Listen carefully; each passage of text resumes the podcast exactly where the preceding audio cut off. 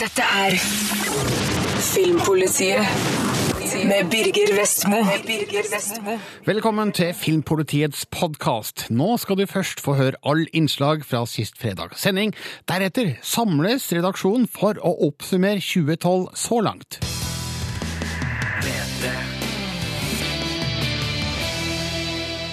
Så er det sånn at det faktisk er ingen norgespremiere på kino denne uka. Det er litt sånn sommerstille, kanskje, eller muligens er det pga. fotball-EM, hva vet jeg. Det kommer nye filmer neste uke, blant annet Woody Allens To Rome With Love og Istid 4.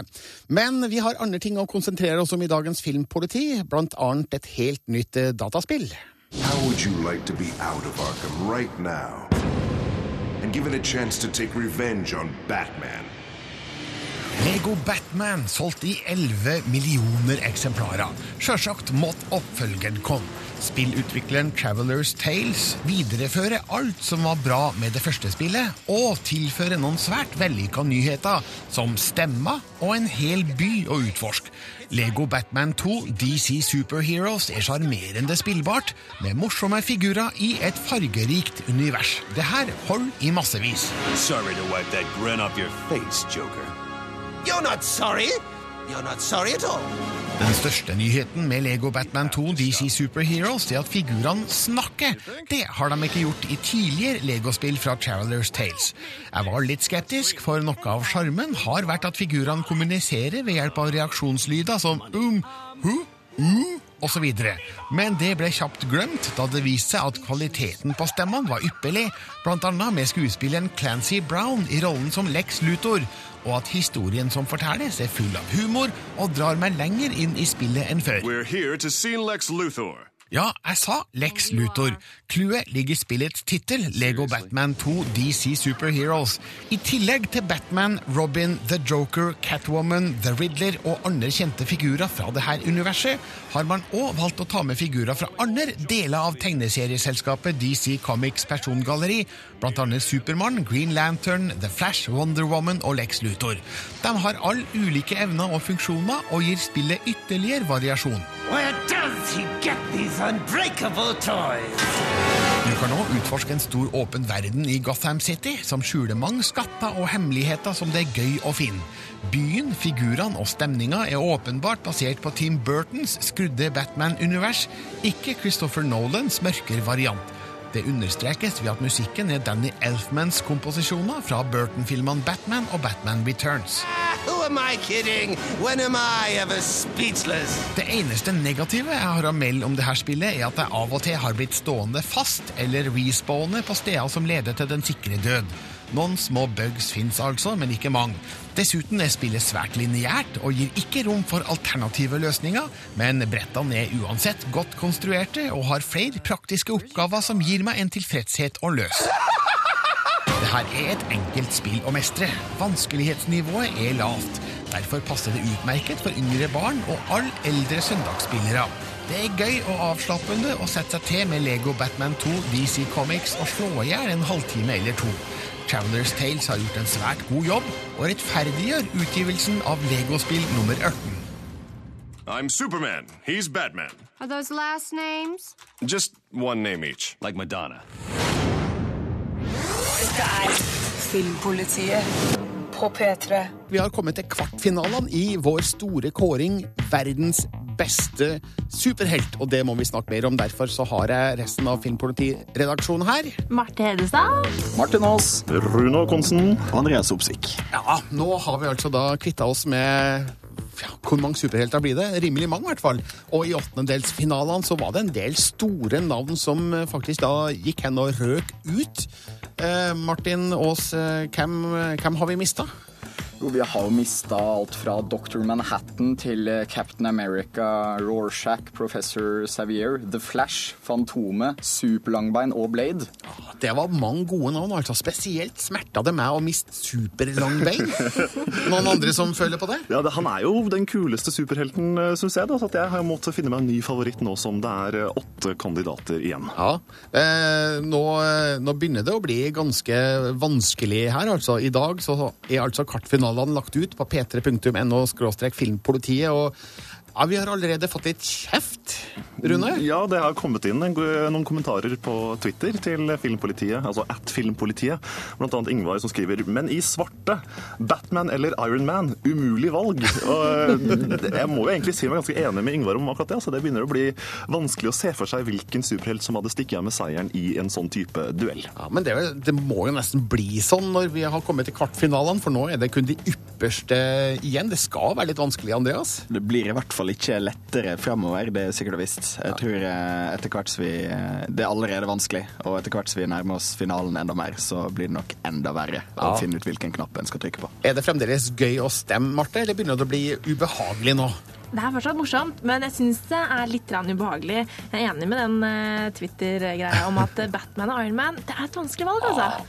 Det, det er en del tøffe dueller som står foran oss, og vi skal snart gå igjennom hvilke som skal um, kjempe i kartfinalene kvartfinalene i verdens beste superhelt.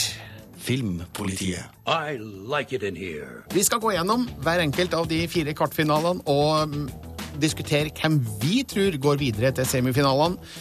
Martin Aas, eh, hvem møtes i den første kvartfinalen? Jo, der har vi Wolverine mot Hulken. Det er to meget sterke kandidater, begge to. Eh, De har jo hvert sitt eh, eh, distinkte preg, med dyrisk kraft som, som basisgrunnlag her. Hvem tror vi går videre? Jeg hadde en liten knapp på Hulken, ja, altså, for han bare rett og slett har så mye rå styrke at uh, et slag vil bare slenge Wolverine langt over Men altså, Wolverine har en utrolig stor fanskare uh, fra X-Men-tegneserieentusiaster, så jeg tror nok Wolverine stikker av med seieren der, altså. Men det skal sies, det her har faktisk møttes i tegneseriene. De er jo en del av samme universet, og jeg veit at Hulken i hvert fall har vunnet én gang. Ja. Men eh, Wolverine har vel noe Hulken ikke har. Han har smidighet, og han har sant, det. kløkt og intellekt. Mens eh, Hulken er vel mer brute force. Ja, og Jo større han blir, jo mer irrasjonell blir han jo, mens eh, Wolverine holder jo sinnet sitt uh, i, i takt hele veien. Fokusert, i hvert fall. Hvem møtes i kvartfinale to? Der har vi Batman mot Iron Man.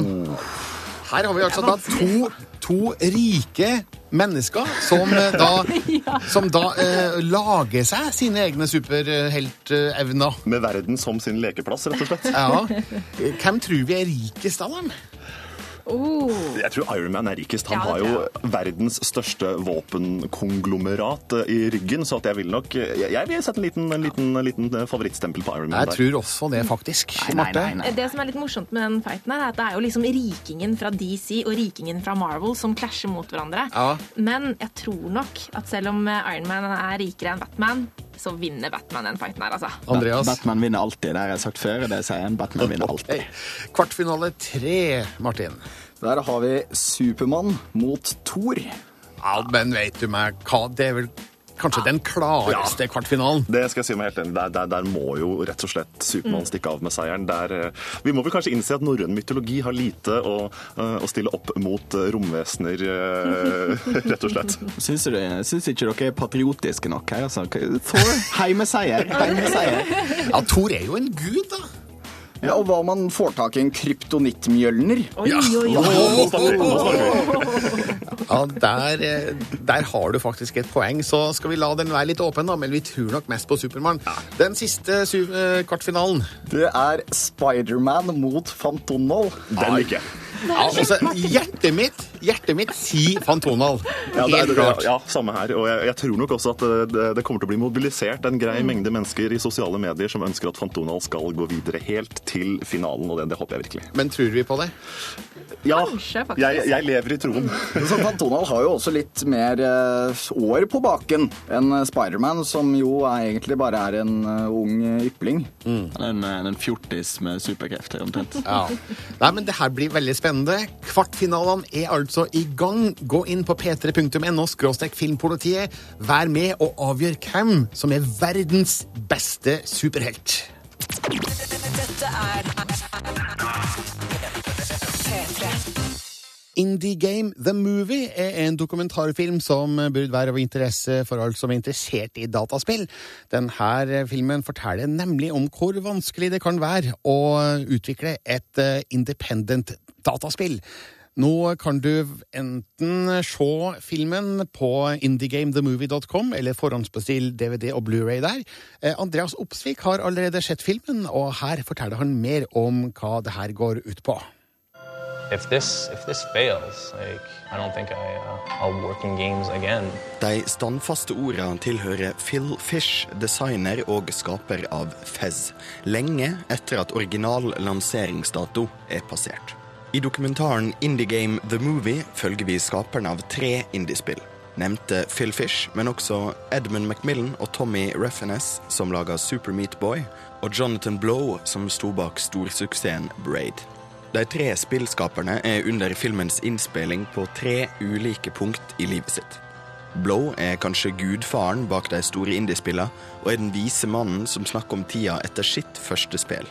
Macmillan og Refines er akkurat i ferd med å publisere sitt første storspill, og Fish er den fortvilte skaperen som av og til mister synet av lyset i enden av tunnelen.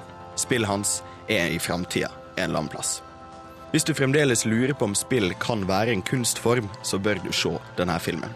Indie Game The Movie viser hvor djuptsittende en idé kan være, og hvordan idealister driver fram visjonene sine, av og til på tross av rasjonelle valg, for å skape kunst. De her kunstnerne foretrekker bare tilfeldigvis spill som middel, framfor bilder, tekst eller video alene. Like in a fucking concentration camp. If, if you can't get if you just if you can't get the work done, uh, then the past two years are basically worth nothing. No pressure. Filmen er skutt på lavbudsjett, men ser ikke nødvendigvis ut som det. Speilreflekskamera er brukt godt, og de har klart å skape et heilskapelig uttrykk som er spesielt for filmen. Spesielt med å trekke fram ei scene der video av en telefon som mottar meldinger, alene klarer å drive spenninga framover. Jeg tror ikke lyden av vibreringa fra en telefon har hatt så mye personlighet noensinne. Myten om den sultne unge kunstneren er langt fra død. Den er bare litt modernisert. You can't see anything else. You don't even see the mistakes in it anymore. Regissørene James Swersky og Lisanne Paget har kommet ekstremt nært på de her engasjerte spillskaperne i noen av de mest sårbare og stressende periodene i livet deres. What the fuck is that? Av og til føler jeg at filmen er på grensa til å burde vurdere om de kanskje burde beskytte sin intervjuobjekt mot seg sjøl. Kanskje spesielt i scener som den du hørte tidlig. Det er tydelig at Phil Fish er på en mørk stad i livet sitt akkurat da. Men i hovedsak er det et fascinerende innblikk i hendelser jeg aldri har fått tatt del i før, og det mener jeg er noe av det viktigste en dokumentar kan gjøre. Nei, det er ikke gravejournalistikk som kommer til å sette agendaen for nyhetsbildet den kommende måneden, men det er så veldig, veldig engasjerende. For øvrig, Fess blei til slutt publisert, og det til jevnt god applaus fra spillverden. Heldigvis, må en kanskje si, for Phil Fish sin del. Dette er Filmpolitiet på P3. P3. Vi skal over i spillets verden, for der har Nintendo annonsert noe nytt i natt, Rune Håkonsen. Ja, de har de. De har eh, kommet med en ny utgave av sin 3DS-konsoll. Denne gangen 3DS XL, altså en stor utgave av den. Ja, stor? Altså, hva, slags størrelse snakker vi om her? Eh, Altså, det er fortsatt bærbart, eh, selvfølgelig, men, men de har rett og slett kommet med en ny modell som har større skjerm for å rett og slett kanskje tekkes svaksynte. Jeg vet ikke helt. Det var, det, det var jo faktisk en av grunnene til at de lanserte DS i XL-konsollen, som eh, på en måte er den forrige generasjonen med, med, med håndholdt konsoll. Ja, du, Vi har jo en sånn DS XL på kontoret vårt her i Filmpolitiet, mm. og, og, og det er det eneste stedet i hele verden jeg har sett en sånn XL-versjon av DS. Altså, Har den solgt noe? Ja, den har faktisk det. Den har eh, solgt eh, overraskende bra, spesielt når den ble lansert, og spesielt da i Japan. Og der markedsførte de veldig sterkt inn mot pensjonister som målgruppe, og de tenkte da sikkert at uh, den eldre garden trenger større skjermer å se på. Jeg, jeg tror kanskje ikke det er akkurat det de gjør nå, men, men, men, men de forsøker jo å få litt fart i 3DS-salget, for det har ikke vært slik som forventa. Men nå er altså Nintendos 3DS-konsoll annonsert i XL-utgave. Betyr det større skjerm og bedre grafikk, eller? Større skjerm, ja. Den er nesten dobbelt så stor som den som er i dag. og Det, det var en av ankepunktene husker jeg, når den kom, at det var ganske liten og klumpete. Nå er det en stor, fin eh, skjerm, eh, men grafikken blir ikke bedre. Det er viktig å understreke her, fordi at eh, når de øker størrelsen på skjermen, så øker de da heller ikke eh, si, oppløsninga. Så selv om skjermen blir større, så blir det nå tydeligere å se f.eks. grafiske småfeil og kanter og sånne ting. Så det blir eh, Det, det kan jo være en, en make it or break it for mange. Nintendo annonserte altså sin 3DS XL i natt, men vi vet ikke ennå når den blir lansert og kommer i butikken. Nei, men jeg antar at dette er en del av deres strategi for å få som sagt, fart på 3D-salget og gire opp mot lanseringen av den nye hjemmekonsollen Wii U. Så jeg spår nok at den kommer på markedet om ikke så alt altfor lenge. Et nytt norskprodusert Nintendo DS-spill er nå lansert, nemlig Pippi Langstrømpe. Sånn høres det ut. Ha! Flaskeposten er fra pappaen min, kaptein Efraim Langstrømpe. Han vil at jeg skal bli med til sjøs igjen. Han kommer og henter meg.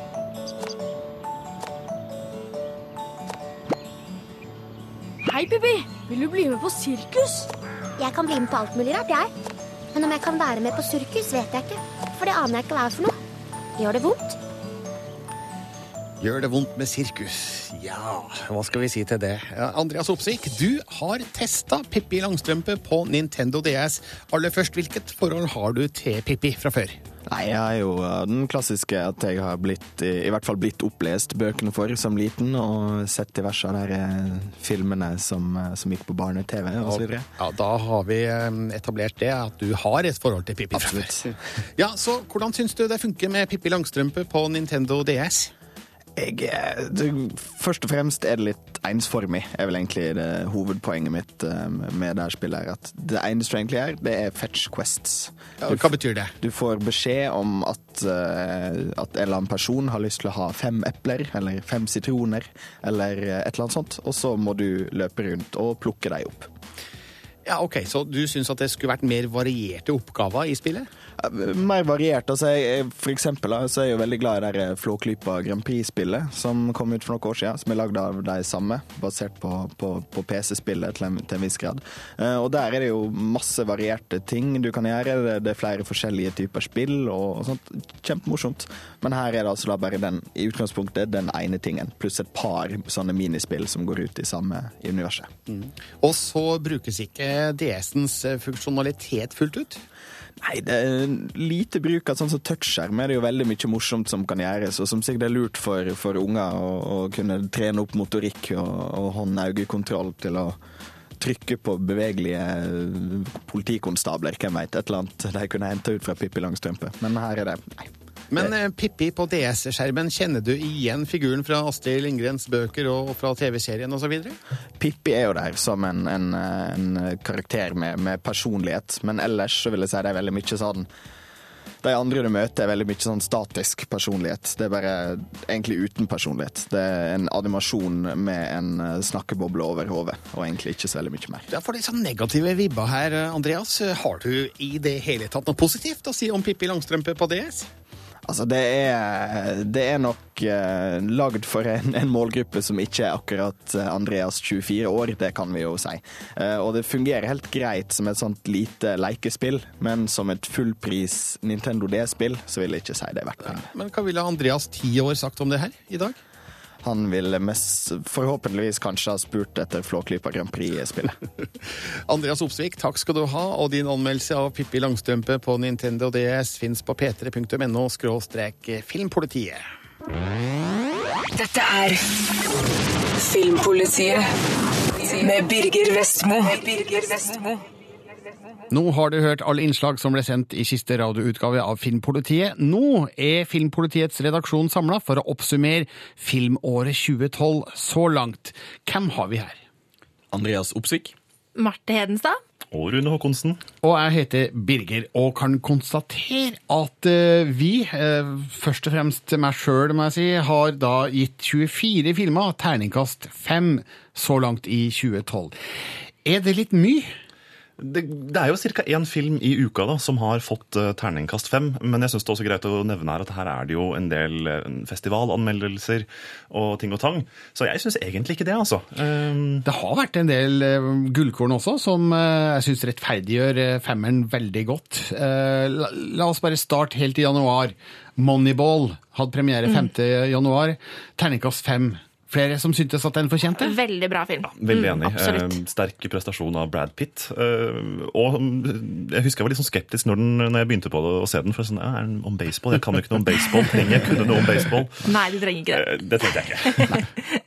Andreas, så du Shame med Michael Fassbender? Åh, fantastisk film. Jeg mener at den, den nesten kunne ha gått opp fra, til en sekser, sånn rent personlig. Ja. En- en- Skuespillet til Fassbender er i hvert fall en sekser. Absolutt, absolutt. Og den burde jo vært nominert til Oscar, og det var den jo ikke. Det var vel en av de store Mm. Oscar-skandalene rett og slett i år. Det er kanskje greit å nevne at det er ingen filmer som har fått terningkast seks så langt i år. Nei, bortsett fra nyutgivelse av to gamle, nemlig 'Løvenes konge' og 'Titanic' i 3D-versjonen. Mm. Eh, Men dem regner vi ikke med her, for nå er det en ny film som er hovedfokus. 'My Week with Marilyn' har jeg gitt terningkast 5 11. januar. Jeg husker ikke så mye av den filmen nå, kjenner jeg. Noen flere som så den? Den har ikke jeg sett. Altså, Michelle Williams er jo ei dame som, som, som, som vet å spille karakterer, da. Ja, hun kan det. Nå spilte hun jo altså Marilyn Monroe i denne filmen, og det var morsomt eh, mer enn interessant å se det. Så. Men terningkast fem, eh, vel, den står i all evighet, den altså, så jeg skal ikke argumentere her og nå for at eh, det var feil. Jeg tar jo selvfølgelig aldri feil. Jeg tok i hvert fall ikke feil 25. januar, da jeg ga terningkast fem til Mission Impossible Ghost Protocol. Det var jo en utrolig feit actionfilm. Det er veldig sånn leikent og gøy action. Altså, det, er, det er veldig morsomt å se på. Ja, det, det virka som at Tom Cruise forstår på en måte, den litt sånn popkulturelle posisjonen filmene har, og ikke minst eh, figuren. da. Mm. Og, og ikke minst når jeg fa fa fant ut at han gjorde de faktiske stuntene på, på den derre Skyskraperen. Skithøye skyskraperen. Eh, og det, det gjorde han sjøl. Altså, det er ikke datagrafikk, det er ikke et sett der han henger liksom i et studio i Hollywood. Han, han er faktisk flere hundre meter opp i lufta og henger utafor der. Og når jeg så filmen en gang til, så gjorde det at jeg ble enda mer sugd inn i actiongreiene. Ja, den gir virkelig bang for the buck. Helt vanvittige spesialeffekter og actionsekvenser, og farten er skyhøy hele veien. Og dette er en av de filmene jeg koste meg aller mest med i første halvår i år. Eh, Men en av mine favoritter fra året så langt eh, tror jeg hadde premiere 26. januar, nemlig Muldvarpen. Tinker Taylor Soldier Spy, eh, som da er en ny filmatisering av John Le Carrés eh, berømte roman fra, fra 70-tallet. Eh, med da um, Gary Oldman i en fantastisk rolle som eh, agenten Smiley. Flere som digger Muldvarpen her? Jeg får gåsehud av bare at vi snakker om det. Ja. Den er en helt utrolig mørk, tett, intens spionthriller som er en av de Jeg vil si at det er en av de beste thrillerne jeg har sett. Og eh, regissert av en svenske. Det er nesten for ille til å være sant. Men eh, det er altså da snakk om eh, Thomas Alfredsson, han som også sto bak La den rette komme inn. Så det er virkelig litt av en karriere han har på gang nå. Han kan mørkt og dystert i hvert fall, og er tett, som du sier, Rune. Det, det er noe som han virkelig får til på film. Ja. Og så eh, går vi videre her, og da kommer vi til en annen svensk film som jeg ble utrolig imponert over jeg så den i, i Cannes i mai i fjor. Eh, Det tok litt tid da før den kom på kino i Norge, eh, nemlig Play.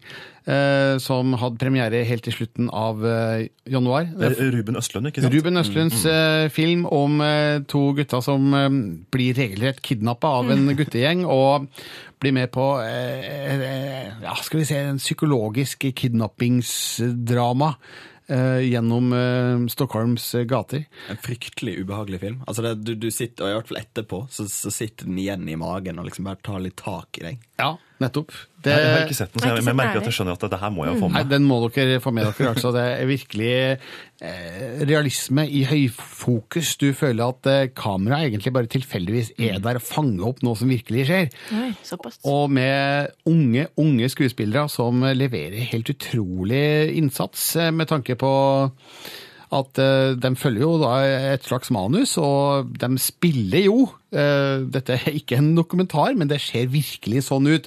Og hvordan Østlund har fått til det, det jeg aner ikke hvordan det går an. Så det er en film som er en påle i 2012 så langt. Eh, Chronicle fra 1. februar. Den husker jeg jo nå Jeg likte jo den godt, og den har fått terningkast fem, den også. Men jeg husker ikke lenger om den er så god.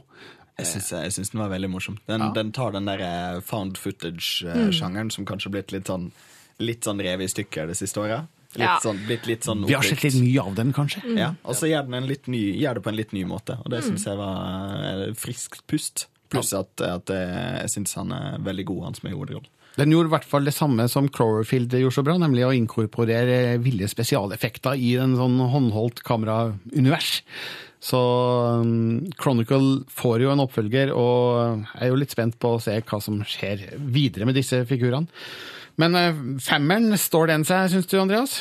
Jeg syns absolutt. Jeg syns den uh, var en veldig, veldig klar femmer. Hva med Warhorse? Steven Spielbergs uh, hestefilm? Må jeg innrømme at den har jeg ikke sett jeg merker at det er flere femmerfilmer jeg nå har gått glipp av. Ja. Fader ulland. Warhorse fins på Blu-ray og DVD. Ja, ja, ja. Jeg er ikke eh, helt enig i den femmeren der. Jeg synes, nei, litt, litt pompøst og litt, litt sånn over. Men skal ikke det være sånn da i, i den, denne filmen? Skal ikke Spielberg være litt pompøs og technicolor og, og cinemascope og pøse på med strykere og Jo da, og det er jo det han gjør, på en måte, men jeg, akkurat i den her så syns jeg det ble litt for mye. Så, så hvis det er en som jeg kanskje skal være litt uenig med så langt, så er det nok den. Men det er en film vi er totalt enige om alle sammen, tror jeg. Den hadde premiere 22. februar, nemlig The Artist. Mm. Den franske filmen som gikk hen og vant eh, beste Oscar. Eh, beste film for Oscar. Nei, beste Oscar. Oscar for beste film! Oscar for beste film. Å, dæven, der satt den! det, det, det, jeg, jeg, var, jeg var litt skeptisk, eh, for jeg hadde jo hørt så mye om den. og var blitt veldig hypa. Eh, sånn at når jeg skulle ta sette meg ned og se den, så var jeg litt sånn OK, kan, hva, er det, hva er det egentlig for noe? Og så kan, kan det være så rivende og fantastisk som, som eh, de sa. Og jaggu så satt jeg i kinosalen, eh, det var ikke bare halvfull, det var veldig få som så den, tror jeg, og fulgte med på de emosjonelle høydepunktene og musikk, piano- og stumfilmmusikken som slår inn når Jean Dujardin og Mm. hele den gjengen virkelig viser filmhistorie i aksjon. Mm. altså. For det er jo veldig gøy det han gjør, det at han tar 20-tallet som på kornet med en film som ser ut som den er fra 20-tallet. Mm. Og det, jeg har jo sett de spionfilmene som han uh, Hashani Vicious Jeg husker aldri Hassan, Hassanivikius. Michel Hassanovicius. Nettopp. Ja, altså, som han han- har også lagd noen spionfilmer som tar 70-tallet veldig på kornet, og 70-tallsfilm, så det anbefales absolutt. Og det er OSS 117. OSS 117, som er da en sånn fransk agentfilmserie. Veldig underholdende, da, men det er også faktisk samme hovedperson. Yes. Altså Jean Dujardin spiller da denne 70-talls franske agenten som reiser på en litt sånn parodi-spion, det action, sånn- James Bond-greie. Eh, absolutt å anbefale hvis du syns at The Artist var en eh, artig tidsbilde. Jeg må fortelle en ting om The Artist. Den ble jo vist i Cannes i, i mai i fjor. Og nå er det sånn i Cannes at man vet jo ingenting om de filmene som vises der, så av og til så tar man noen sjanser, og så luker man bort noen fordi man har jo et program og og, og, og legge der, og jeg valgte da bort The Artist, fordi en, en, eh, en moderne stumfilm i sort-hvitt, det hørtes ut som en pretensiøs kunstgreie, det gadd jeg faen ikke se. Ja, du tenkte at det her, det her kommer aldri til å få noe særlig oppmerksomhet? Nei, jeg tenkte at dette, herregud, hvorfor skal jeg gidde å se det her, liksom? Og det var selvfølgelig en vanvittig tabbe! Og det aner meg at det kanskje er flere der ute som har gjort samme tabbe som meg, nemlig å ikke gidde å gå på kino og se The Artist, fordi det Stumfilm i sort-hvitt det høres ikke veldig sexy ut da. Nå kommer The Artist snart ut på Blu-ray og DVD 18. juli, så da bør alle sammen som ikke sånn på kino få den med seg på, på disk. Men en ting til. Eh, Jeg var jo i Cannes i, i år og, og var på en eh, visning der. og, og Før filmen starta, så kommer da festivalsjefen eh, på scenen for å introdusere filmen, og for å introdusere eh, stjerna i salen, nemlig Jean de Dujardin. Og da reiser han seg, og det er da selvfølgelig full applaus, og jeg føler meg liksom transportert tilbake til Hollywoods glansdager, bare fordi han er i salen. Fordi han var jo med i den filmen, som gir et såpass li livaktig bilde Mm. av det gamle Hollywood. Så det, var- det var ganske stilig. Eh, det var The Artist. eh, Sol, soleklar eh, terningkast fem der. Eh, Noen vil kanskje til og med gi den enda høyere terningkast, for alt jeg vet. Men nå må vi snakke litt om norsk film, fordi 1. mars så var det premiere på Kompani Orheim, den tredje filmen om eh, Jarle Klepp. Og nå ser jeg, Marte, du trekker på skuldrene. Vet du hva, jeg har ikke sett noen av de filmene! Nei! Hvor er det du jobber hen, sa du? Ja, ja, jeg vet det. Det er sånn derre ja, da, den, da jeg gikk glipp av den første filmen, og da den andre filmen kom, så bare jeg må se den første filmen Ja. før jeg ser den andre. Og så fikk jeg ikke surra meg til det, og så har det bare gått med hus forbi. Rett og slett. Så det ligger an til en trippel her. eh, Ja, kanskje jeg skal ta meg en, eh, en, en liten, et lite maraton, rett og slett. Ja. Men eh, en, en, et fint drama, en fin film, et fint bilde på Norge anno midten av 80-tallet, og med Kristoffer Joner i en imponerende rolle som eh, pappa Orheim. eh, Noe av det sterkeste han har gjort på film. Så, så den er jo nå også nominert til mm, Amandaprisen for beste film og regi og hovedrolle og diverse annet. Så den må jeg jo få med meg. den må du se. Den, eh, den imponerte meg. Jeg likte den veldig godt. Flere som så den?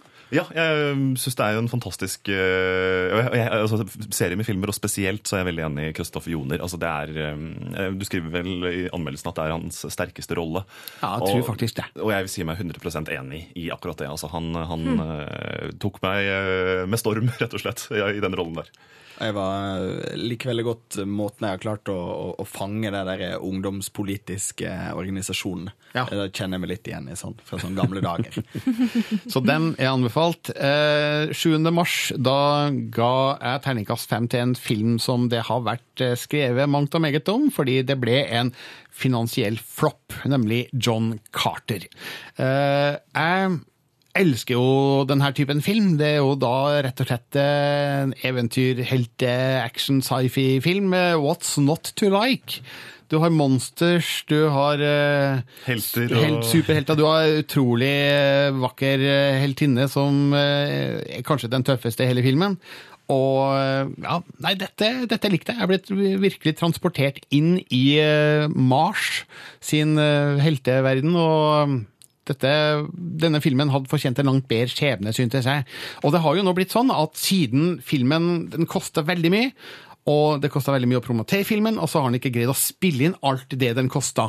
Og dermed så oppstår det en sånn slags eh, sannhet om at eh, denne filmen er dårlig, men det er jo ikke, det er ikke sånn, eh, Andreas. Nei, jeg syns en, en, eh, som du sier, en litt sånn storslått sånn action-eventyr du bare kan Du kan glemme alt annet, og så kan du bare se store ting slåss på skjermen. Og det, det, det er veldig morsomt. Men den gjorde det visstnok veldig bra i Russland. Ja, men, altså, jeg, jeg føler jeg må slenge inn her, for at det er en illusjon det at den gjorde det dårlig.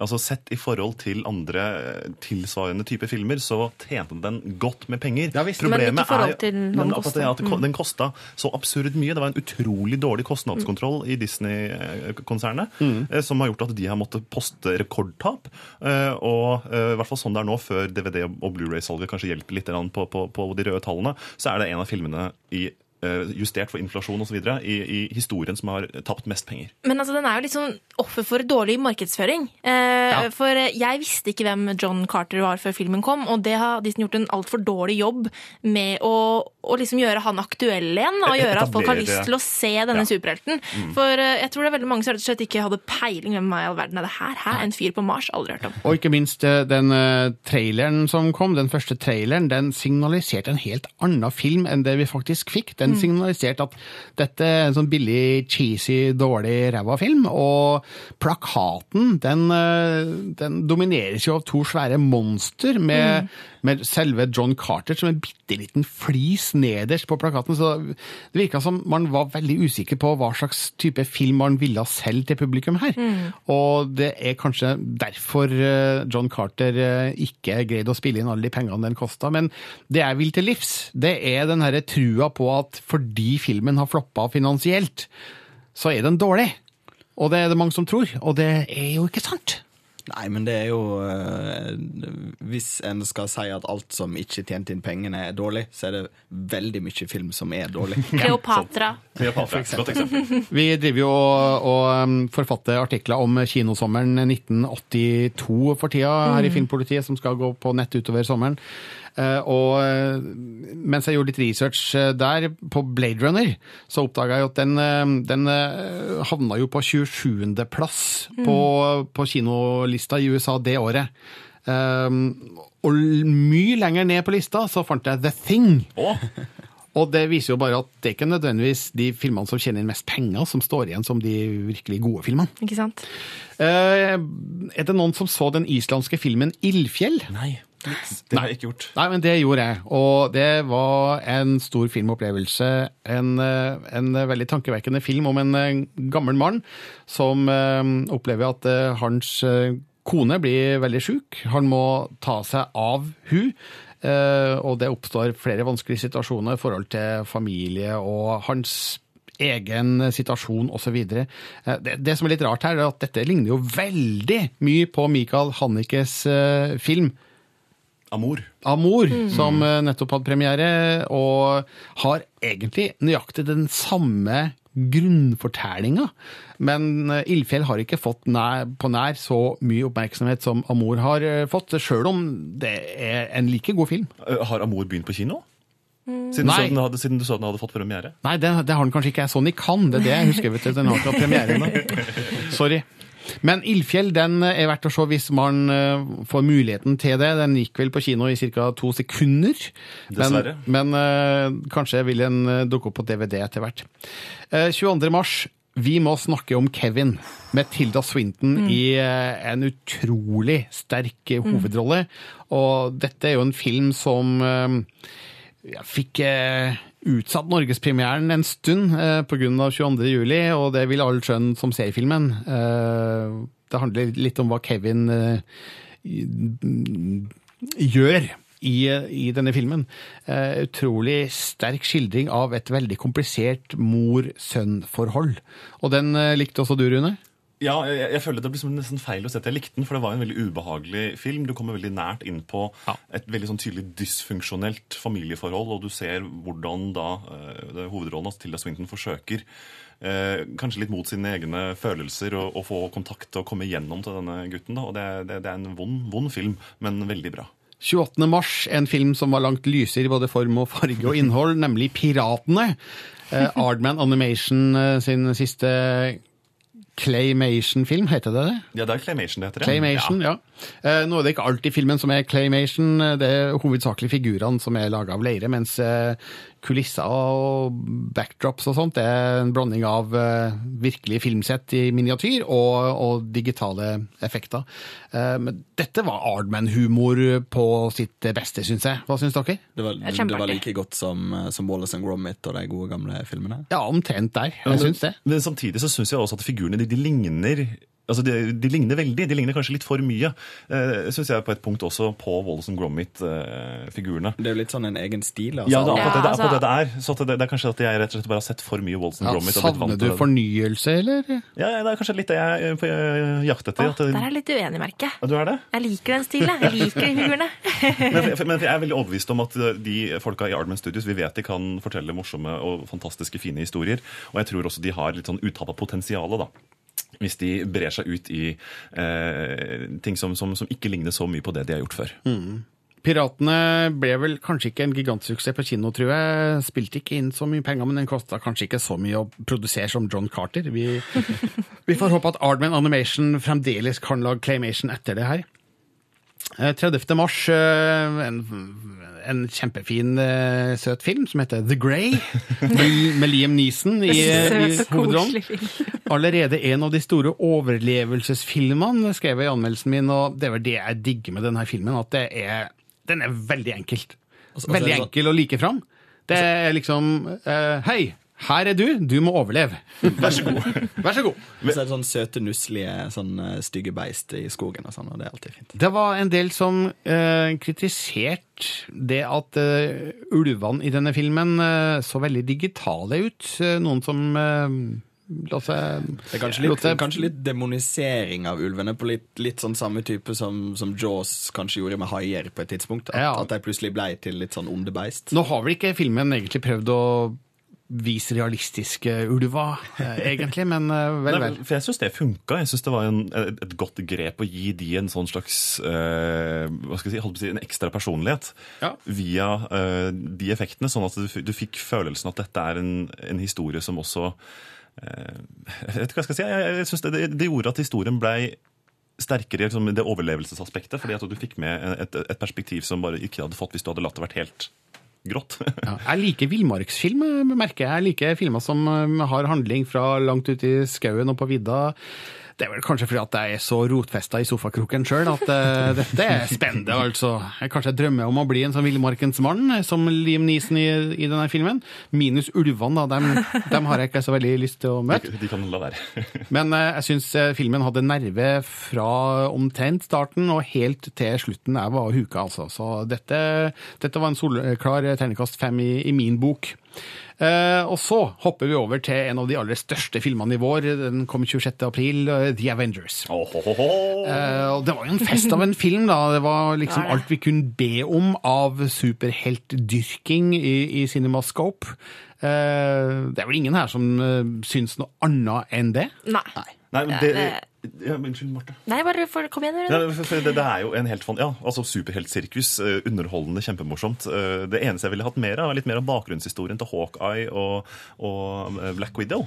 Som, som plutselig ble introdusert i den filmen. Jeg ville gjerne visst litt Men, mer om de. Du, det, dem, Det dem- kommer filmer. De kan få egne filmer, vet du. Der alt det her blir forklart. Jeg antar det er på vei, ja. Jeg synes det var så kult at For jeg var litt redd på forhånd for at noen av superheltene skulle ta ekstremt mye mer plass enn andre, men jeg syns de utfylte hverandre veldig fint eh, i eh, filmen. Jeg syns det var på en måte viet eh, god nok plass til alle sammen. Eh, og det ble veldig sånn bra dynamisk. Og så syns jeg 3D-en var veldig bra, altså. Overraskende bra, Mm. faktisk. Mm. Nå, nå har jeg snakka mye stygt om 3D i Filmpolitiet, men dette er en av de filmene som jeg ikke følte det var et problem med. Mm. Så Avengers, toppfilm og publikumssuksess, det kommer mer. Og ja takk til det, sånne filmer, det trenger vi. Innimellom eh, alt det triste og vanskelige. eh, og grå og kjedelige. Ja. Pur underholdning. Pur underholdning til folket, det må vi ha en del av. En veldig annerledes film fikk terningkast 5 2. mai, nemlig Tomboy. En belgisk film om eh, en guttejente som later som hun er gutt til den nye vennegjengen på stedet hun flytter til. Eh, Det handler altså om et barn i en kjønnsidentitetskrise som kanskje ikke er helt bevisst på det sjøl, fordi det er en veldig ung jente, det her. Eh, Noen som så? Ja, og jeg synes det er litt så artig at den stiller nettopp det spørsmålet, eh, altså spørsmålet rundt kjønnsidentitet. Når det er noe som er i for- forming, da, når det er barn i den alderen, så er, det, så er de usikre. De vet jo ikke helt eh, De har ikke et bevisst forhold til kjønn eller sånne ting. Så at jeg synes det var en veldig sterk skildring, og ikke minst hovedrolleinnehaver. Ja. Blåste meg i bakken her òg. Altså. Det var en utrolig sterk prestasjon, spesielt akkurat fordi at det her er en, en, et skuespiller som er så ung at de, jeg vil ikke tro at de har diskutert eller reflektert så mye over akkurat dette med kjønnsidentitet. Men det er som i Play, jeg skjønner ikke hvordan man kan få barn til å spille så godt. Altså, det her foregår jo da på, på fransk, og det er et språk jeg ikke kan, og det er litt vanskelig for meg å ta, kjenne og føl på hvordan dialogen avleveres, om det høres naturlig ut og sånn, men det ser i hvert fall helt eh, naturtro ut da, og realistisk, så eh, det er flere barn i den filmen som spiller bedre enn man har lov til å forvente av, eh, av barn. Så Tomboy den er anbefalt for de som uh, syns det høres greit ut. Også en film som jeg ikke så fordi jeg var i Cannes på det aktuelle tidspunktet, nemlig Men in Black 3. Hvem var det som så den? Det var jeg. Det var du. Du ga den terningkast fem. Og ja, jeg tror jeg kanskje er den i Norge eh, av filmanmeldere som var mest positiv Aha. til Men in Black 3. Men jeg, jeg synes det var, det, var en, eh, det var akkurat det jeg ville ha. Jeg, jeg, jeg var så glad. At jeg ville ha en, en, en science fiction-film, en actionfilm, en eventyrfilm, en underholdningsfilm. Alt det her gjør eh, Will Smith i Men in Black 3, og han gjør det på en måte som binder sammen de to forrige filmene, eh, og løfter det hele til en fantastisk underholdende filmopplevelse som eh, rett og slett leverer alt det jeg hadde eh, å, å ønske. Jeg var litt redd for den filmen, at den skulle bare trekke hele Men in Black-universet ned i søla, fordi det var liksom treeren ingen ønska seg. Eh, Jeg ønska meg den. Ja, du gjorde det, ja. All right. Og jeg vet også at de, de har vel planer om fire og fem. Eh, Det Har de? eh, Jeg tror det. De burde i hvert fall ha planer om det nå, siden det har jo blitt en kassasuksess. Så Mm. jeg ville blitt overraska om det ikke er planer om det. Men hele den tidsreisegreiene, eh, de får inn Josh Brolin som den unge agent K, det sier sammen til en sånn veldig fin fortelling, og det er rørende også. Men det falt en liten tåre hos meg, til og med. På Men in Black. På det er imponerende. Og det, det, jeg skal ikke si noe mer, men jeg tror dere skjønner nøyaktig hvilken scene jeg snakker om når du sitter og ser den, for det er, det er rørende der. All right. Du, da må vi snakke om den filmen. Den store filmen. Den filmen som jeg gleda meg aller mest til i eh, 2012 så langt, og som jeg nesten var redd for å se, fordi forventningene var så skyhøye. Kan, kan du bare beskrive hva som gikk gjennom hodet ditt, eller følelsen du hadde når du satte deg ned i kinosetet for å se Prometheus? Altså, det skjedde et eller annet med meg altså, i dagene før jeg skulle se Prometheus. Jeg, begynte å jobbe litt hardt, tror jeg, sånn ubevisst i hvert fall, med å jobbe ned denne forventninga til filmen. Bare prøv å være litt mer realistisk, og kanskje ikke forvent tidenes største filmopplevelse, sånn som jeg kanskje hadde gjort i ukene i forkant. Eh, og det, det viste seg nok å være veldig smart, fordi eh, det er ikke snakk om uh, tidenes beste film. Uh, langt derifra. Jeg var vel på nippet til å gå ned på fireren, faktisk, et øyeblikk, før jeg landa på terningkast fem til slutt. Fordi Prometheus er en fantastisk film på mange måter. Den har en del klare svakheter på manusfronten.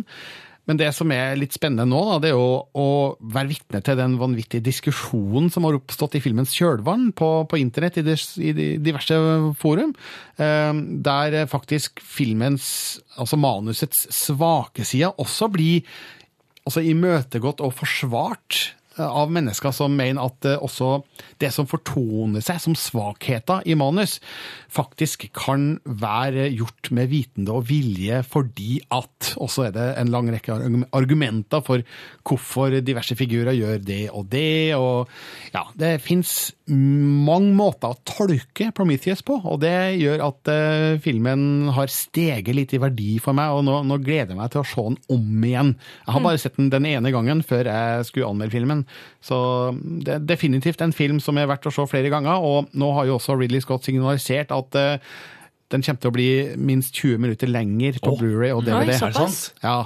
Det finnes fins ting eh, som ble filma som ikke ble med i den ferdige filmen, og dette har jo etter hvert blitt eh, veldig vanlig fra Ridley Scott. Mm, mm. Fordi han er Han fremstår som en veldig kynisk kommersregissør som ikke går av veien for å klippe ned sine filmer til en kinovennlig lengde. Og det Mm. spesielt gikk det utover Kingdom of Heaven, som, Ja, var, som jeg, jeg, jeg likte veldig godt på, på kino.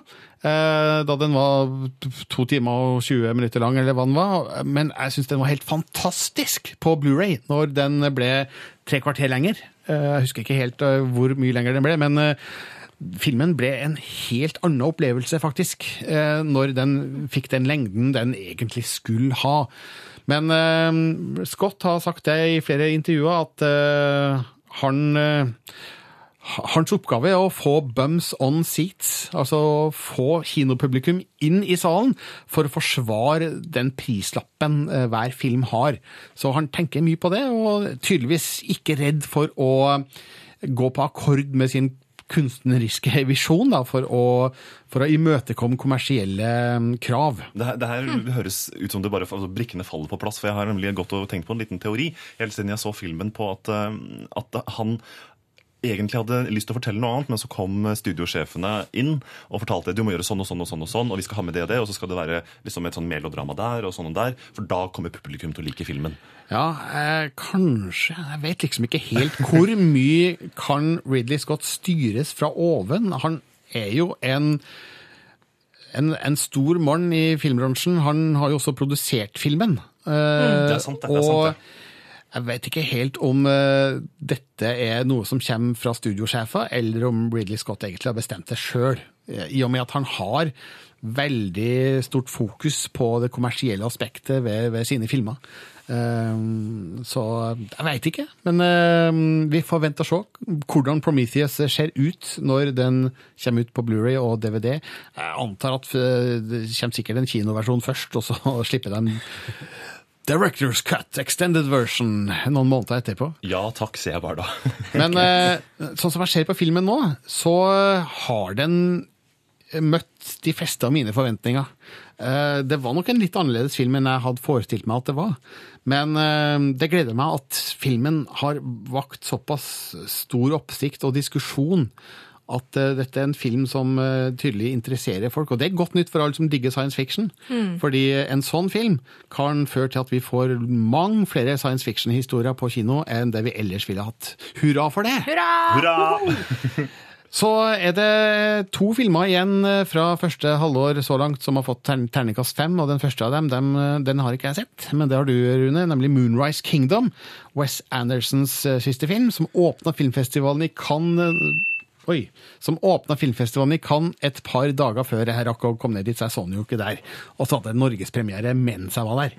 Så um, ja, hva, hva sier du? Det er eh, rett og slett eh, kanskje den beste filmen til Wes Anderson. Eh, eh, Ja, det er store ord! Det er store ord. Jeg er veldig klar over det. Men det er en utrolig fin film om, om ungdomskjærlighet som innehar alle de småsprø Altså det engelske ordet 'quirky'. Jeg vet ikke om jeg har et godt norsk ord for det engang, men det er, det er quirky alt sammen. Med alt fra måten de snakker til hverandre, til hvordan de møtes, til skuespillerne, til omgivelsene, til detaljene, til setta, til husa, til bildene. Alt sammen har den em, helt den veldig gjenkjennelige stempel av Wes Anderson og hans eh, litt sånn nevrotiske vesen og hans interesse for detaljer. Eh, Jeg syns det var en utrolig sjarmerende film. Eh, Og så var det selvfølgelig veldig gøy å se Bruce Willis i en rolle der han faktisk ble utfordra litt som skuespiller. Det, det er ikke så ofte som skjer. Nei, det, det har jeg vel ikke sett siden aldri. I, I forbindelse med et intervju han gjorde til, um, altså, i promoteringa av Moonrise Kingdom, så sa han at jeg pleier ikke å øve på rollene mine, jeg bare møter opp på settet. Ja, akkurat. Oh, ja, Um, det er liksom måten han lager film til vanlig, så det at han masseproduserer actionfilmer, det er liksom ikke så rart. Men at han i dette tilfellet blei jo utfordra av regissør, av medskuespillere, og faktisk måtte legge en innsats i å trene litt på rollen sin, og det merkes veldig godt, altså. Jeg syns jo Bruce Willis var, var god i Unbreakable og Den sjette sansen og Pulp Fiction, men han har vel aldri slått meg som en karakterskuespiller. Han er stort sett Bruce Willis. Det Det er er bare, bare tanken på å ha han i rollen som en ensom mann i 50-årene som, som er litt sånn bitter over at livet har tatt den vendingen den har tatt. Det er ikke en rolle du ser for deg Bruce Willis i. Så det er en det, Ja. Jeg tror jeg skriver et eller annet sted. Mer drama på Willis. Komma. Takk. Den siste filmen som eh, har fått terningkast fem eh, i Filmpolitiet i år så langt, det er Weekend. eh, Britisk film i regi av Andrew Haig. Noen som har sett den? Nei, men det har jeg. Og det er jo da en film om to menn som møtes på en bar, har seg en one night stand. Men så, dagen etter, så eh, begynner det å skje ting mellom dem som tyder på at eh, dette kanskje kan være noe mer. Og eh, den ene av dem har kanskje ikke helt kommet ut av skapet for alle, mens den andre er veldig ute av skapet, men er veldig besatt på å ikke være avhengig av kjærlighet. og ja, Kjærlighet, det er noe dritt. Det er hans standpunkt. Og så er det veldig interessant å se da, hva som skjer mellom disse karene i løpet av den helga som da filmens tittel bærer budskap om, med tidsaspektet her, Weekend. Eh, Så det, det er en utrolig sterk eh, romantisk eh, film, som ikke er en sånn glossy, fiolinspekka eh, søleaffære, men eh, det her er realistisk kjærlighet og handler vel om eh, da menneskers eh, frykt for å stupe inn i et forhold, stupe inn i noe man ikke helt vet hva er, og hvor vanskelig det kan være å, å åpne seg. Det som er litt morsomt med Weekend, da, det er jo at eh, her handler det for en gangs skyld om to menn. Det er jo som regel mann og kvinne man ser skildra i slike filmer. og det er vel ikke alle filmanmeldere av Norge som har takla helt det. Nei, det er det ikke. Vi, eh, vi, skal ikke, vi skal kanskje ikke Jeg vet ikke om vi skal nevne hvilken avis det er snakk om engang, men det, det er noe Å ja, nå, nå skjønte jeg hva du snakka om. Ja. Oh, hallo. Eh, Kjære podkastlytter, du som kanskje ikke skjønner hva vi snakker om her. eh, Weekend ble altså da anmeldt i en norsk avis der eh, kan vedkommende anmelder eh, brukte halve anmeldelsen på å distansere seg fra homofili. eh, Homofile er mennesker, de også. Ja, ja, Ja, ja. Sånn, vi kan relatere til dem som mennesker. Det var en av setningene. Jeg må, jeg må finne fram anmeldelsen. Vi må jo sitere direkte fra anmeldelsen her, og ikke bare Mm. Ja, et øyeblikk. Skal vi se. Overs Eh, overskriften er 'Bra britisk homsefilm'. Ja, Det går an å lage virkelig gode filmer om homofili. Um, Weekend er en film du ikke behøver være homofil for å like. Kan, kan, kan vi telle antall Eh, ganger homo er brukt i anmeldelsen? Går det an? Det er troverdige og ekte mennesker, personer vi møter, de er som deg og meg. Oi, homofile er som deg og meg. De, de, de er på sjekken, men ikke mer enn snittet av heterofile. Um, det var jo fint, da. Eh, dette, er en, dette er nemlig en film om mennesker, mer enn en film om homosex.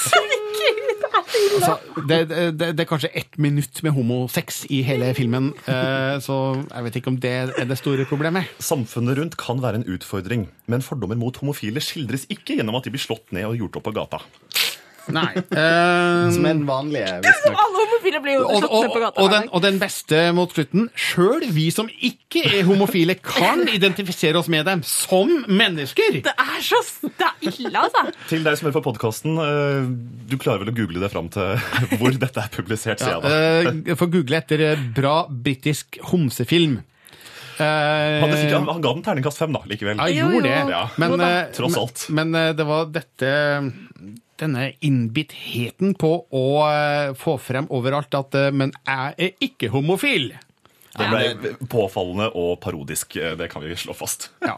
Men det, det, det er kanskje skrevet i beste mening, det her, Ja, altså. det tror jeg så det, det er bare kanskje litt taktløst her og der. Men i hvert fall, Weekend er en eh, fantastisk film, et sterkt drama som absolutt fortjente terningkast eh, fem.